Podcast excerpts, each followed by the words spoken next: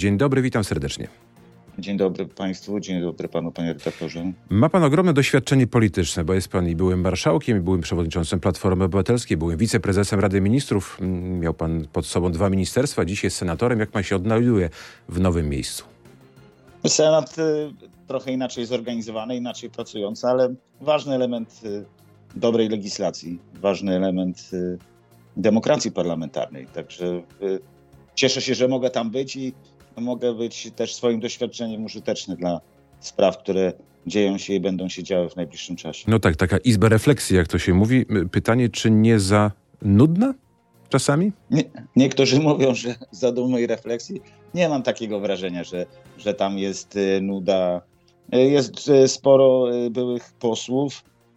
Będzie dużo pracy, wielkich wyzwań, budowy nowego politycznego projektu, czyli odbudowy tego wszystkiego, co, e, co się zdarzyło te, przez te ostatnie 8 lat. Także ja jestem pełen dobrych myśli i nadziei. Wyzwaniem dla pana formacji politycznej jest projekt nowej ustawy wiatrakowej. Kto jest autorem tego projektu?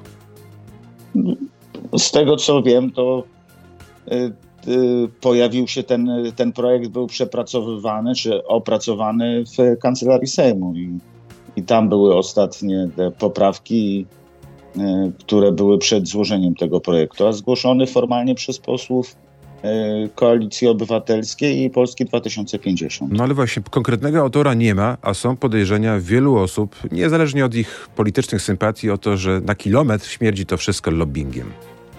Pan, tylko to jest pierwszy projekt. E, jeden z pierwszych projektów tego tej większości, przyszłej większości parlamentarnej.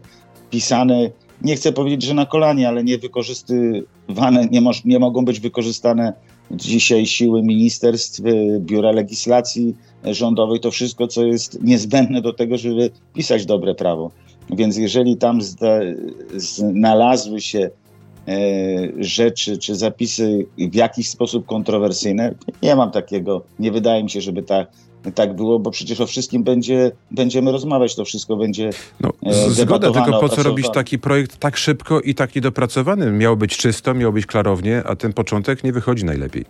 Jest, nie mam tutaj, nie, nie, nie, nie zgodzę się z panem redaktorem. To wszystko jest absolutnie e, e, publiczna debata o każdym zapisie, o każdej linijce tego tekstu. Proszę zobaczyć, że przecież on będzie procedowany przy, i w Sejmie, i, i, i w Senacie.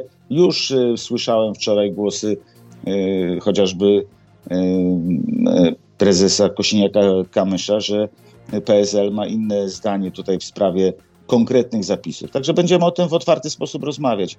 Troszkę tak dziwię się tej histerycznej reakcji byłej, byłego byłej większości no, rząd, rządowej. No ale ja powtórzę, że miało być czysto, miało być klarownie, miało być inaczej niż za czasów koalicji Zjednoczonej Prawicy, a wychodzi na to, że jest podobnie, co najmniej, ale... tak? Co, co nieczystego pan redaktor w tym No choćby że... to, że pan poseł Gomola, nowy młody człowiek z po, po Polski 2050, jego rodzice są zaangażowani właśnie w produkcję czy, czy instalację tego typu e, farm wiatrakowych, no to gdzieś nie do końca to wszystko czysto wygląda. Ale I to, to tempo. Jest, to nie jest jego wina. Tempo przecież to chodzi o, o przede wszystkim o tarczę, o ochronę e, przed fatalną, katastrofalną polityką PiSu e, dom, polskich domów i, e, i chodzi o to, żeby, żeby gwarantować tarczę na, na ogromne, ogromne ceny prądu i energii, energii elektrycznej. I, I o tym będziemy rozmawiać. Ja uważam, że to jest kwestia oczywiście braku jeszcze z jednej strony doświadczenia, a z drugiej strony możliwości, takich oczywistych możliwości pisania e, dobrych e, ustaw, braku konsultacji, to przecież nie mamy tego instrumentarium, które jest niezbędne dla każdej większości rządowej, dla każdego rządu. Więc to, tak jak powiedziałem, będzie debata w przyszłym tygodniu w Sejmie i w Senacie i każdy punkt będzie opracowany. Ja powiem tylko tak, cieszę się, że, e, że każdy zapis każdego nowego prawa, nowej ustawy będzie tak tak, tak dobrze oglądane, bo to też dla nas jest, e, podnosi nam e, poprzeczkę i, e, i buduje konieczność no, dobrej, właściwej pracy. Czy pani poseł Henikloska tak mocno zaangażowana w ten projekt, która jest chyba typowana całkiem na serio do tego nowego rządu, powinna do tego nowego rządu wejść w tej sytuacji? Ale ta sprawa wydaje, się, wydaje mi się wyjaśniona i nie widzę tutaj możliwości jakichś personalnych odpowiedzialności czy personalnej odpowiedzialności jeszcze wtedy, kiedy rząd e, nie powstał. E, nie mam tutaj żadnych, nie widzę żadnego złego kontekstu tej sprawy. Uważam, że e, wszystko zostało wyjaśnione. Jeżeli będzie taka potrzeba już w konkretnych debatach na, na, poziomie, na poziomie komisji sejmowych i plenarnego posiedzenia Sejmu i Senatu, będziemy o wszystkim otwarcie rozmawiać. Ten rząd będzie inaczej funkcjonować.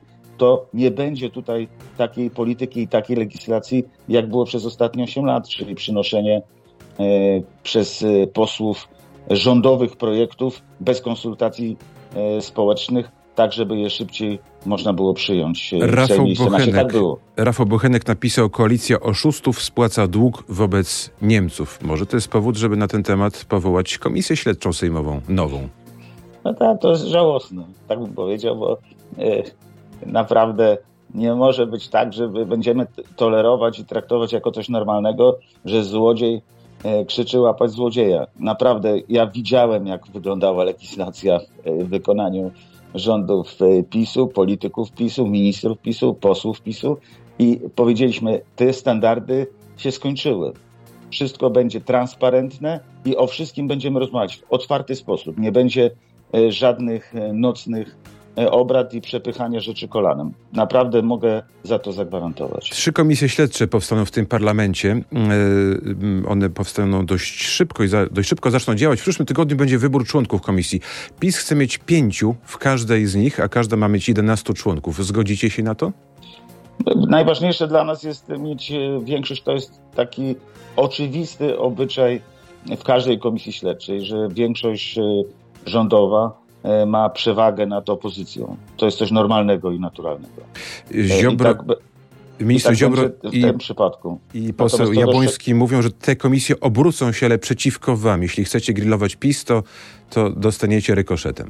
No my chcemy, nikogo nie chcemy grillować. My chcemy po prostu wyjaśnić, e, szybko rozpocząć proces wyjaśniania e, procesów, które doprowadzały do takich rzeczy, do tak skandalicznych, kompromitujących rzeczy, jak organizacja zaś ponad 70 milionów wyborów kopertowych, czy handel e, w wiza, polskimi wizami w krajach dalekiej Azji i, i Afryki, to są kwestie oczywiste i tego po prostu nie zostawimy i będziemy o tym rozmawiać. Oczywiście to są sprawy prokuratorskie, te postępowania są i będą prowadzone, ale nam zależy na tym, żeby pokazać bardzo szybko, też żeby opinia publiczna mogła zobaczyć, że to, o czym mówiliśmy w kampanii wyborczej, że to jest sama prawda, że, że to rzeczywiście doszło do stworzenia patologicznych relacji y, i tego, i, i te wszystkie rzeczy, które widzieliśmy, chcemy pokazać, wyciągnąć na światło dzienne i pokazać opinii publicznej. Temu służą komisje śledcze.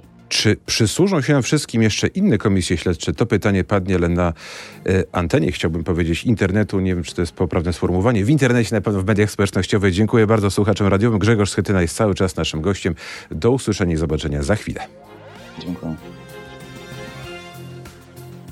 Panie senatorze, y, Konfederacja chce powołania trzech nowych, zupełnie innych komisji, między innymi tak zwanej covidowej, która mogłaby zbadać to wszystko, co działo się wówczas w czasie pandemii, te nadmiarowe zgony. To jest dobry pomysł? Poprzecie taki, taki projekt, jeśli by był, czy nie?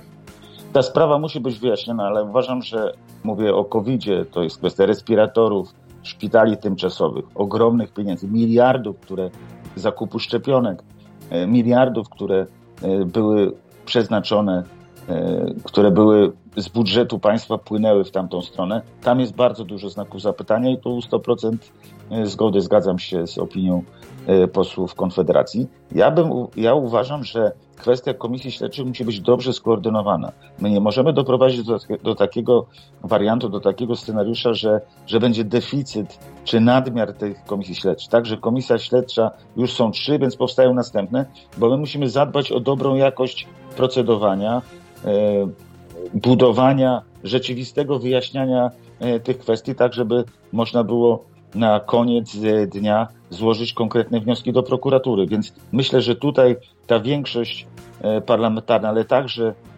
także posłowie Konfederacji, którzy w rządu tworzyć nie będą, ale przecież nie byli, nie byli w koalicji z PiSem, że też tutaj będzie to nasze wspólne stanowisko i przyjmiemy całą procedurę dochodzenia do, do tego, ile ma być komisji śledczych, w jakim tempie mają funkcjonować i jak mają być powoływane. Czy pan siebie by widział w składzie którejś z tych komisji? Ja jestem senatorem, więc y, to komisje są sejmowe y, i, i, i nie mogę w nich Zapomniałem, że to jest nowa rzeczywistość. Nie, nie mogę w nich uczestniczyć, ale chętnie bym, chętnie bym pomógł i na pewno będę, y, będę trzymał to kciuki za, za powodzenie W której by pan ewentualnie widział swoją pomoc jako doradca? Ja no, na pewno tej wizowej, bo ona jest, znam sprawę Ministerstwa Spraw Zagranicznych i wiem, jak wygląda polityka wizowa i te informacje, które stamtąd płynęły e, z całego świata e, przez e, naszych przez nasze służby dyplomatyczne są naprawdę zatrważające. Ta sprawa musi być gruntownie wyjaśniona. Ja myślę, że ta sprawa też wyborów kopertowych, ona będzie bardzo taka oczywista, bo to jest typowy zobaczymy z bliska, jak wygląda proces podejmowania decyzji tamtego rządu i, i podejmowania takich naprawdę kontrowersyjnych, e, skandalicznych decyzji, gdzie były decyzje, kto je podejmował i kto je e, egzekwował później na poszczególnych ministerstwach. A co z komisją badającą wpływy rosyjskie? Zostali zdymisjonowani jej dotychczasowi członkowie. Mm, tu są zdanie podzielone, czy ona dalej powinna funkcjonować, czy nie i w jakim składzie. Jak pan to widzi? No, to są różne szkoły tutaj, panie redaktorze. Nie, niektórzy mówią, że e, ta komisja jest ważna, żeby e, oderwać ją od tej o, o, obecnej rzeczywistości politycznej, zastanowić się w procesie tych ostatnich lat, ale także tych ostatnich i wcześniejszych, w jaki, w jaki sposób służby rosyjskie próbowały wpływać na polską politykę. E, ale czy robić to teraz, od razu, razem z, z tymi innymi komisjami? E, na razie zostali odwołani, bo wiadomo, odwołani obecni ci dotychczasowi członkowie tej komisji, bo mówiliśmy za bardzo wyraźnie. E, ta komisja była po to, żeby uderzyć w obecną opozycję parlamentarną, w lidera opozycji, w Donalda Tuska i dlatego musieliśmy po prostu to przerwać. Ale sam, sam, sama sprawa jest ważna, bo uważam, że, e, że Rosja przy tej agresywnej polityce ostatnich lat przecież bardzo E, tutaj poddawała polską, polską polityce swoim wpływom w różnym wymiarze i uważam, że to też jest temat e, do, do rozmowy, ale to jest kwestia przyszłości. E, komisja wydała też pewne rekomendacje dotyczące niektórych osób, które zdaniem komisji nie powinny pełnić funkcji publicznych, to między innymi Donald Tusk czy Bartłomiej Sienkiewicz. Czy te rekomendacje w jakiś sposób powinny być wzięte pod uwagę przy tworzeniu nowego rządu? Ale to panowie członkowie, czy ci, którzy komisję tworzyli, przecież realizowali polityczne zamówienie. Ich opinie dzisiaj próbujące wykluczać kogoś z polskiej polityki, e, jeszcze takich ludzi, e, którzy są, e, prowadzili zwycięski obóz do, do sukcesu w wyborach parlamentarnych, to jest po prostu niepoważne. No, to świadczy o tym, że ci panowie naprawdę chcą zajmować się polityką, a nie, a nie a nie historią. Zignorujecie te, te rekomendacje, wyrzucicie do kosza i nie będzie ale, z tego ale żadnego są, chleba. One są niepoważne, ich już nie ma, zostali odwołani przez Sejm i sprawa jest zamknięta. Natomiast powiedziałem, temat został i szkoda mi tylko, że one, że ten ważny temat został e, e, ubrany, czy próbowano go ubrać w e, uderzenie w młot uderzający w lidera opozycji i w ogóle w opozycję parlamentarną. To jest fatalne, że wykorzystujemy ciągle, że są ludzie, którzy wykorzystują sprawy ważne sprawy państwa w partyjnej wojence. Są komisje śledcze, są propozycje zlikwidowania CBA, Trybunału Stanu dla szefa NBP, można powiedzieć igrzyska polityczne, a gdzie chleb dla elektoratu, dla Polaków? No, to jest kwestia budżetu oczywiście, który, do którego będziemy nad którym będziemy pracować, ale musi powstać rząd. Pan redaktor przecież lepiej wie ode mnie, że bez powołania rządu nie uda nam się e, podjąć konkretnych decyzji, e, mieć, zacząć realizować e, politykę. Więc koalicja rządowa już jest, mam nadzieję, że w przyszłym tygodniu. Szkoda, że tak późno, ale jednak ten rząd zostanie powołany i będziemy mogli mówić już o, o, o konkretach. Będziemy mogli na posiedzeniu Rady Ministrów koordynować i realizować nasz program. 11, 12, 13, ta data ma jakieś znaczenie, czy nie? E, no, tylko, dla, tylko, tak, tylko takie, że, że jest późno, że szkoda tych, tych tygodni od 15 października. Ja mam takie wrażenie, że to że po prostu zmarnowaliśmy sporo czasu, bo, bo rzeczy się dzieją i, i, sprawy są ważne. Ten szczyt, chociażby już mówię o, o najbliższej rzeczy, czyli o szczycie Brukseli 14-15 grudnia. No wiemy razem, jak, jak to jest ważne, że tam jest potrzebny nowy polski premier z nowym polskim pomysłem na, na integrację europejską, na wyzwania, które stoją przed wspólnotą europejską, na miejsce Polski, też e, krajów nowej Europy, na rozszerzenie, na rozszerzenie Unii Europejskiej. To są rzeczy, której, w których polska polityka musi mówić bardzo e, donośnym głosem, bardzo dosadnie i, i do tego potrzebny jest nowy polski rząd, nowy polski premier i, i nasza taka trwała, dobra obecność w Brukseli. Jest pan szefem Senackiej Komisji Spraw Zagranicznych. Jak rozwiązać spór między Polską a Ukrainą, choćby ten teraz konkretny transportowy, ale to nie pierwszy taki ognisko zapalne. Pamiętamy wcześniej sytuację zbożową, pewnie do takich sytuacji będzie dochodziło. Jesteśmy ważnymi sąsiadami, jest wojna. Co zrobić, żeby te stosunki jakoś troszkę lepiej się układały? No musimy skończyć ten, ten, ten konflikt, tę blokadę. Musimy dać gwarancję takiej dobrej, sensownej tarczy dla, dla polskich przedsiębiorców.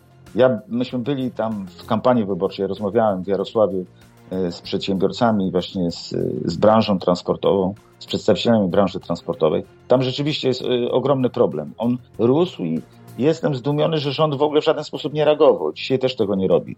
My musimy po prostu przejąć inicjatywę w tej sprawie, nie zasłaniać się tutaj Brukselą, bo e, wykorzystać szczególne stosunki i relacje, które mamy z Ukrainą, jednocześnie bardzo wyraźnie tłumacząc, że musimy chronić e, polski rynek, polskich przedsiębiorców e, tej branży, branży transportowej.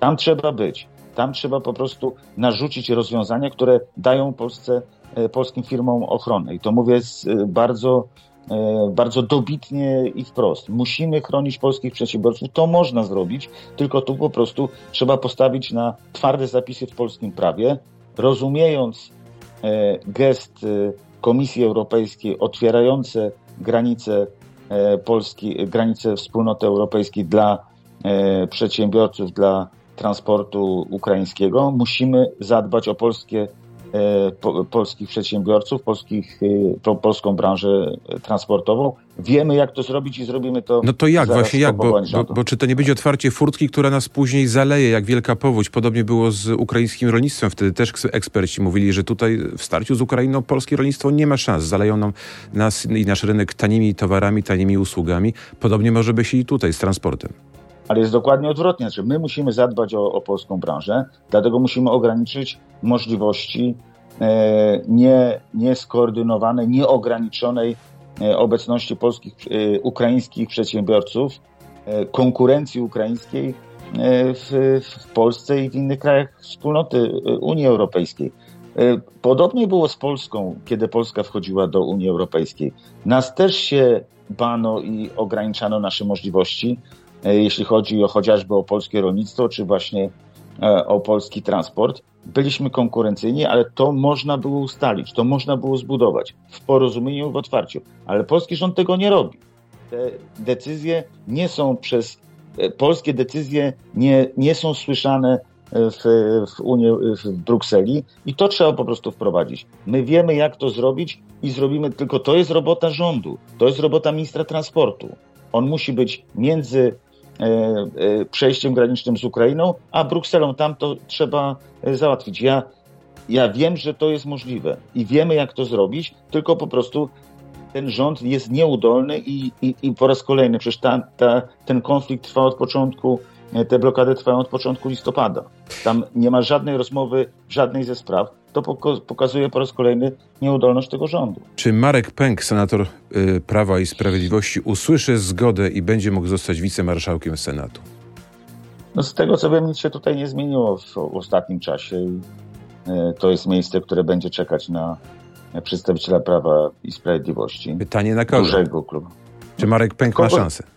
Kogoś takiego nie słyszałem, żeby tutaj coś się zmieniło. My bardzo, ja szanuję rekomendacje senatorów, yy, którzy pracowali yy, z nim i yy, w zeszłej kadencji. Pamiętam także swoje dokonania i doznania z pracy marszałek Witek. Ja rozumiem te rekomendacje i, i twardę, twardy sprzeciw, przy, przy, sprzeciw, który no, takie osoby po prostu ogranicza, jeśli chodzi o, o dostępność do miejsc, które muszą być elementem politycznego konsensusu i współpracy. Akurat ani senator Pęk, ani posłanka Witek takimi osobami nie są. Czyli zdaniem pana nie będzie dla niego miejsca na, tym, na, na tej funkcji, powinien być to inny kandydat, tak? Dobrze zrozumiałem?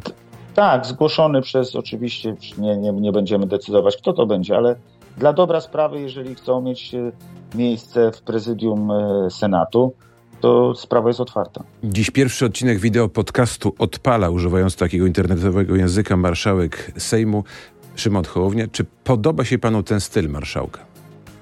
On jest e, inny, nowy. Byłem marszałkiem i wiem, że to jest bardzo wymagająca praca, bardzo taka zobowiązująca. To znaczy, Marszałek musi być primus inter pares, czyli pierwszy między równymi. Musi traktować posłów, kluby parlamentarne, koła parlamentarne tak samo, a jednocześnie zapewnić e, gwarancję dobrego funkcjonowania, dobrej legislacji, de, uczciwej debaty, tego czego nie było przez ostatnie lata. I no to dobrze sobie radzi Szymon Hołownia? Nie za tak. dużo w tym wszystkim takiego telewizyjnego show? No zobaczymy, jak uważam, że, że dobrze, że, że przejął y, y, polityczną inicjatywę, że daje miejsce, przecież nie blokuje, unika wyłączania mikrofonu, mówi o, o konieczności likwidacji y, zamrażarki. To są ważne rzeczy. Nie będzie mu łatwo, bo, bo, bo opozycja widać będzie robić wszystko, żeby, żeby, żeby to funkcjonowanie, dobre funkcjonowanie Sejmu zakłócić. Ale jestem dobrej myśli, trzymam kciuki i na razie jesteśmy pod dobrym wrażeniem. Rośnie konkurent polityczny dla liderów Platformy? Nie, to jest naszym walorem jest możliwość rozmowy i budowania koalicji. Wcześniej była koalicja obywatelska, później koalicja europejska, potem pakt senacki. Dzisiaj tworzymy koalicję w Sejmie i mamy większość w Senacie. Wygraliśmy wybory i to uważam jest kluczem do, do dobrego robienia skutecznej polityki i to będziemy robić. To, to nie kwestia konkurencji. Ostatnie pytanie w tej rozmowie o pozycję Jacka Sutryka za pół roku wybory samorządowe. Czy będzie miał też rekomendacje Platformy, jeśli będzie chciał startować w tych wyborach? Wszystko jest oczywiście przed nami. Tu będzie decydował zarząd krajowy odnośnie prezydentów, którzy byli kandydatami Koalicji Obywatelskiej, Platformy Obywatelskiej pięć lat temu. Dzisiaj chcą kandydować, tak jak prezydent e, Sutryk. E, wierzę, że znajdziemy tutaj porozumienie i będziemy, jak zawsze, w historii we Wrocławiu wspólnie zwyciężać. Widzi go pan na tym miejscu raz jeszcze? On chce kandydować i zgłosił swoją, swoje kandydowanie, więc trzymam kciuki, żeby ten wspólny projekt y, koalicji y, Platformy Obywatelskiej Jacka Sutryka zwyciężył we Wrocławiu. Grzegorz Schetyna, prosto z Wrocławia, senator Platformy Obywatelskiej, był naszym gościem. Dzień dobry, panie senatorze. Dziękuję, panie senatorze. Dziękuję. Życzę dobrego dnia. Do usłyszenia i zobaczenia. Dziękuję, wszystkiego dobrego.